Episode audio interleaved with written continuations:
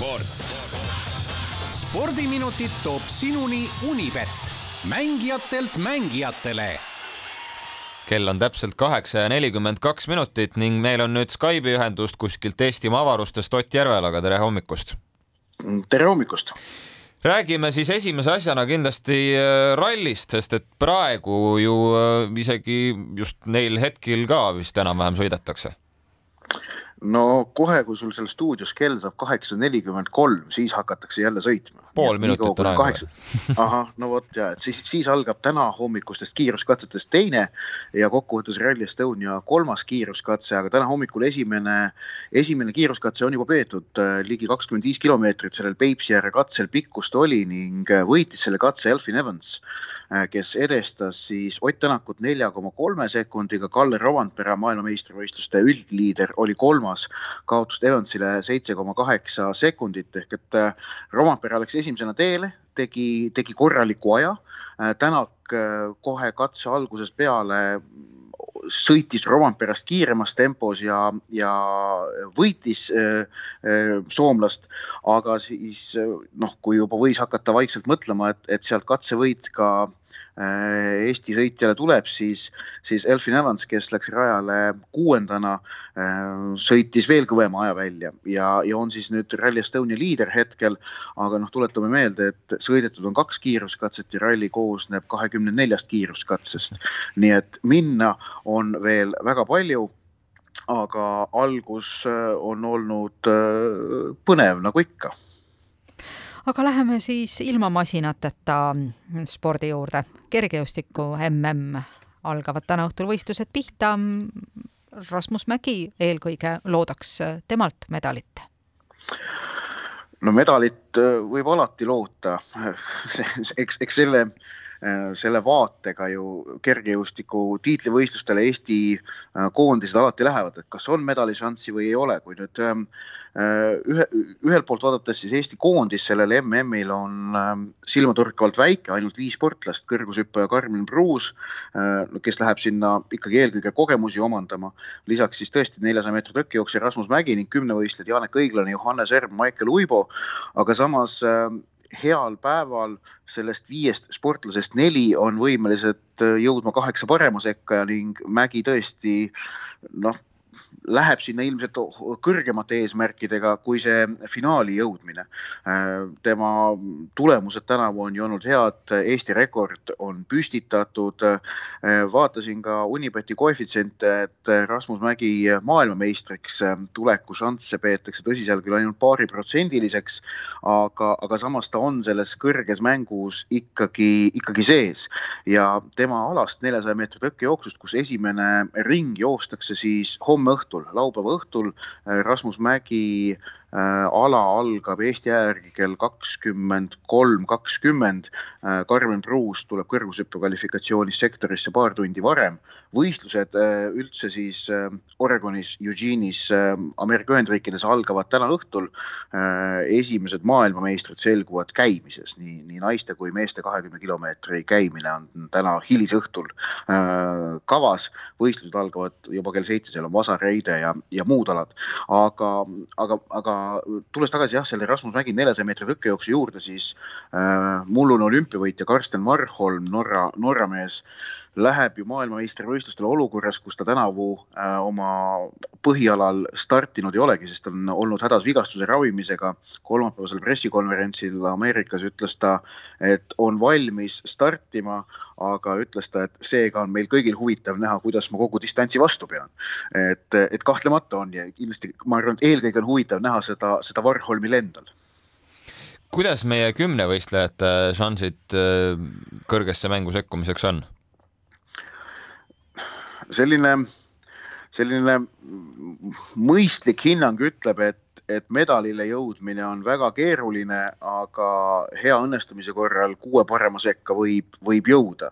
et kes neist täpselt, see sõltub natukene ilmselt ähm, juba, juba päevast ja, ja sellest, kuidas võistlused välja tulevad, aga aga Janek Õiglane on tõestanud ennast suure, väga hea suurvõistluste mehena, ta eelmisel kahel MM-il olid tema kohad ju äh, Dohas kuues ja Londonis neljas.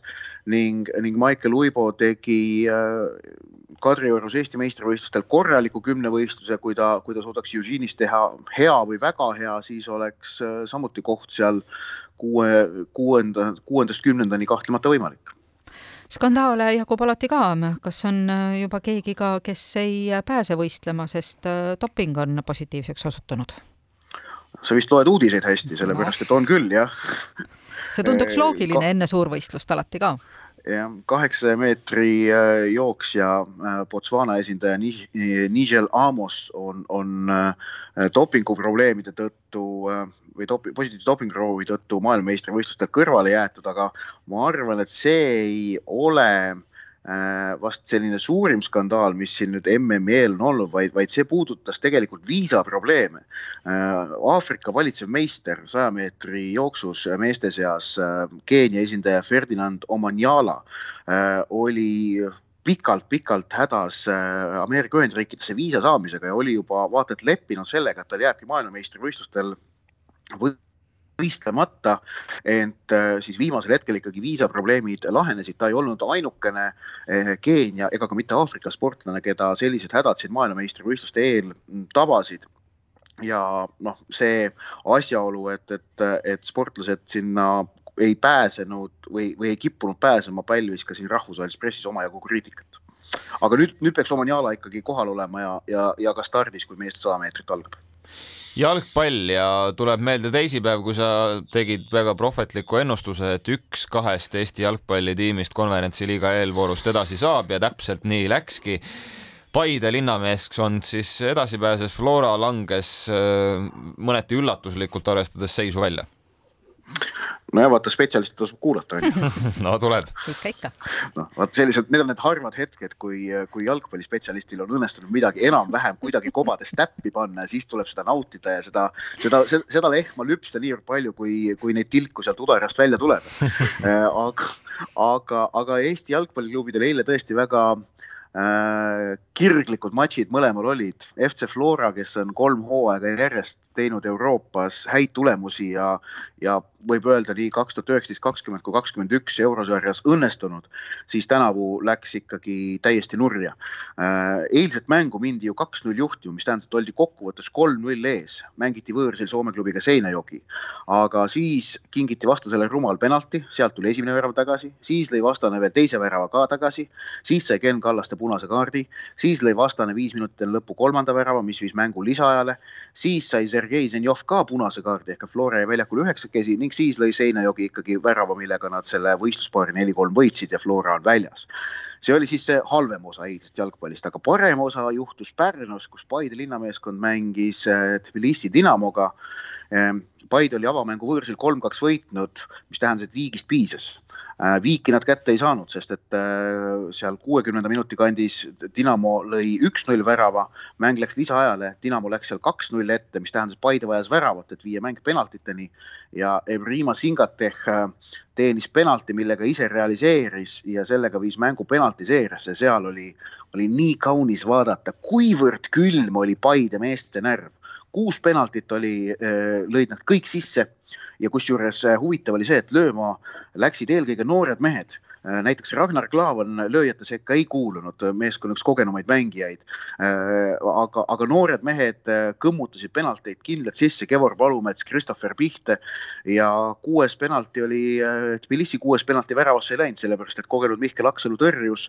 Paide jõudis seega konverentsiliigas teise eelringi, nende vastane seal on Armeenia klubi Jerevani Ararat Armeenia, see mäng mängitakse niimoodi, et järgmine neljapäev mängitakse Jerevanis ja siis äh, nädal aega hiljem jällegi Pärnus ning olgu öeldud, et siis järgmisesse eelringi jõudmisega Paide linnameeskonna auhinnaraha suurenes kolmesaja tuhande euro võrra. suurepärane, pool minutit ainult aega, räägime vehklemisest kiiresti ka maailmameistrivõistlustel Kairos algab täna naiste EP individuaalvõistlus. Ähm, Eesti esinumber, mullune olümpiapronks Katrina Lehis seal ei võistle, sest sai viimase laagri viimase trenni, viimases treeningmatšis vigastada. ehk et Eestit esindavad MM-i individuaalis Erika Kirpu, Nelli Tihvert, Riina Embrich. naiskonnavõistluseks jõuab neile appi ka Kristina Kuuska, aga kuna maailmas säärane lennukriis on, millest noh, me iga päev ju uudistest loeme, siis ta individuaalvõistluseks kohale ei jõua, ehk et individuaalis Eestil seekord kolm esindajat. vot sellised on täna hommikused spordilood. aitäh, Ott Järvela, jõudu tööle! sport. Spordiminutid toob sinuni Unibet, mängijatelt mängijatele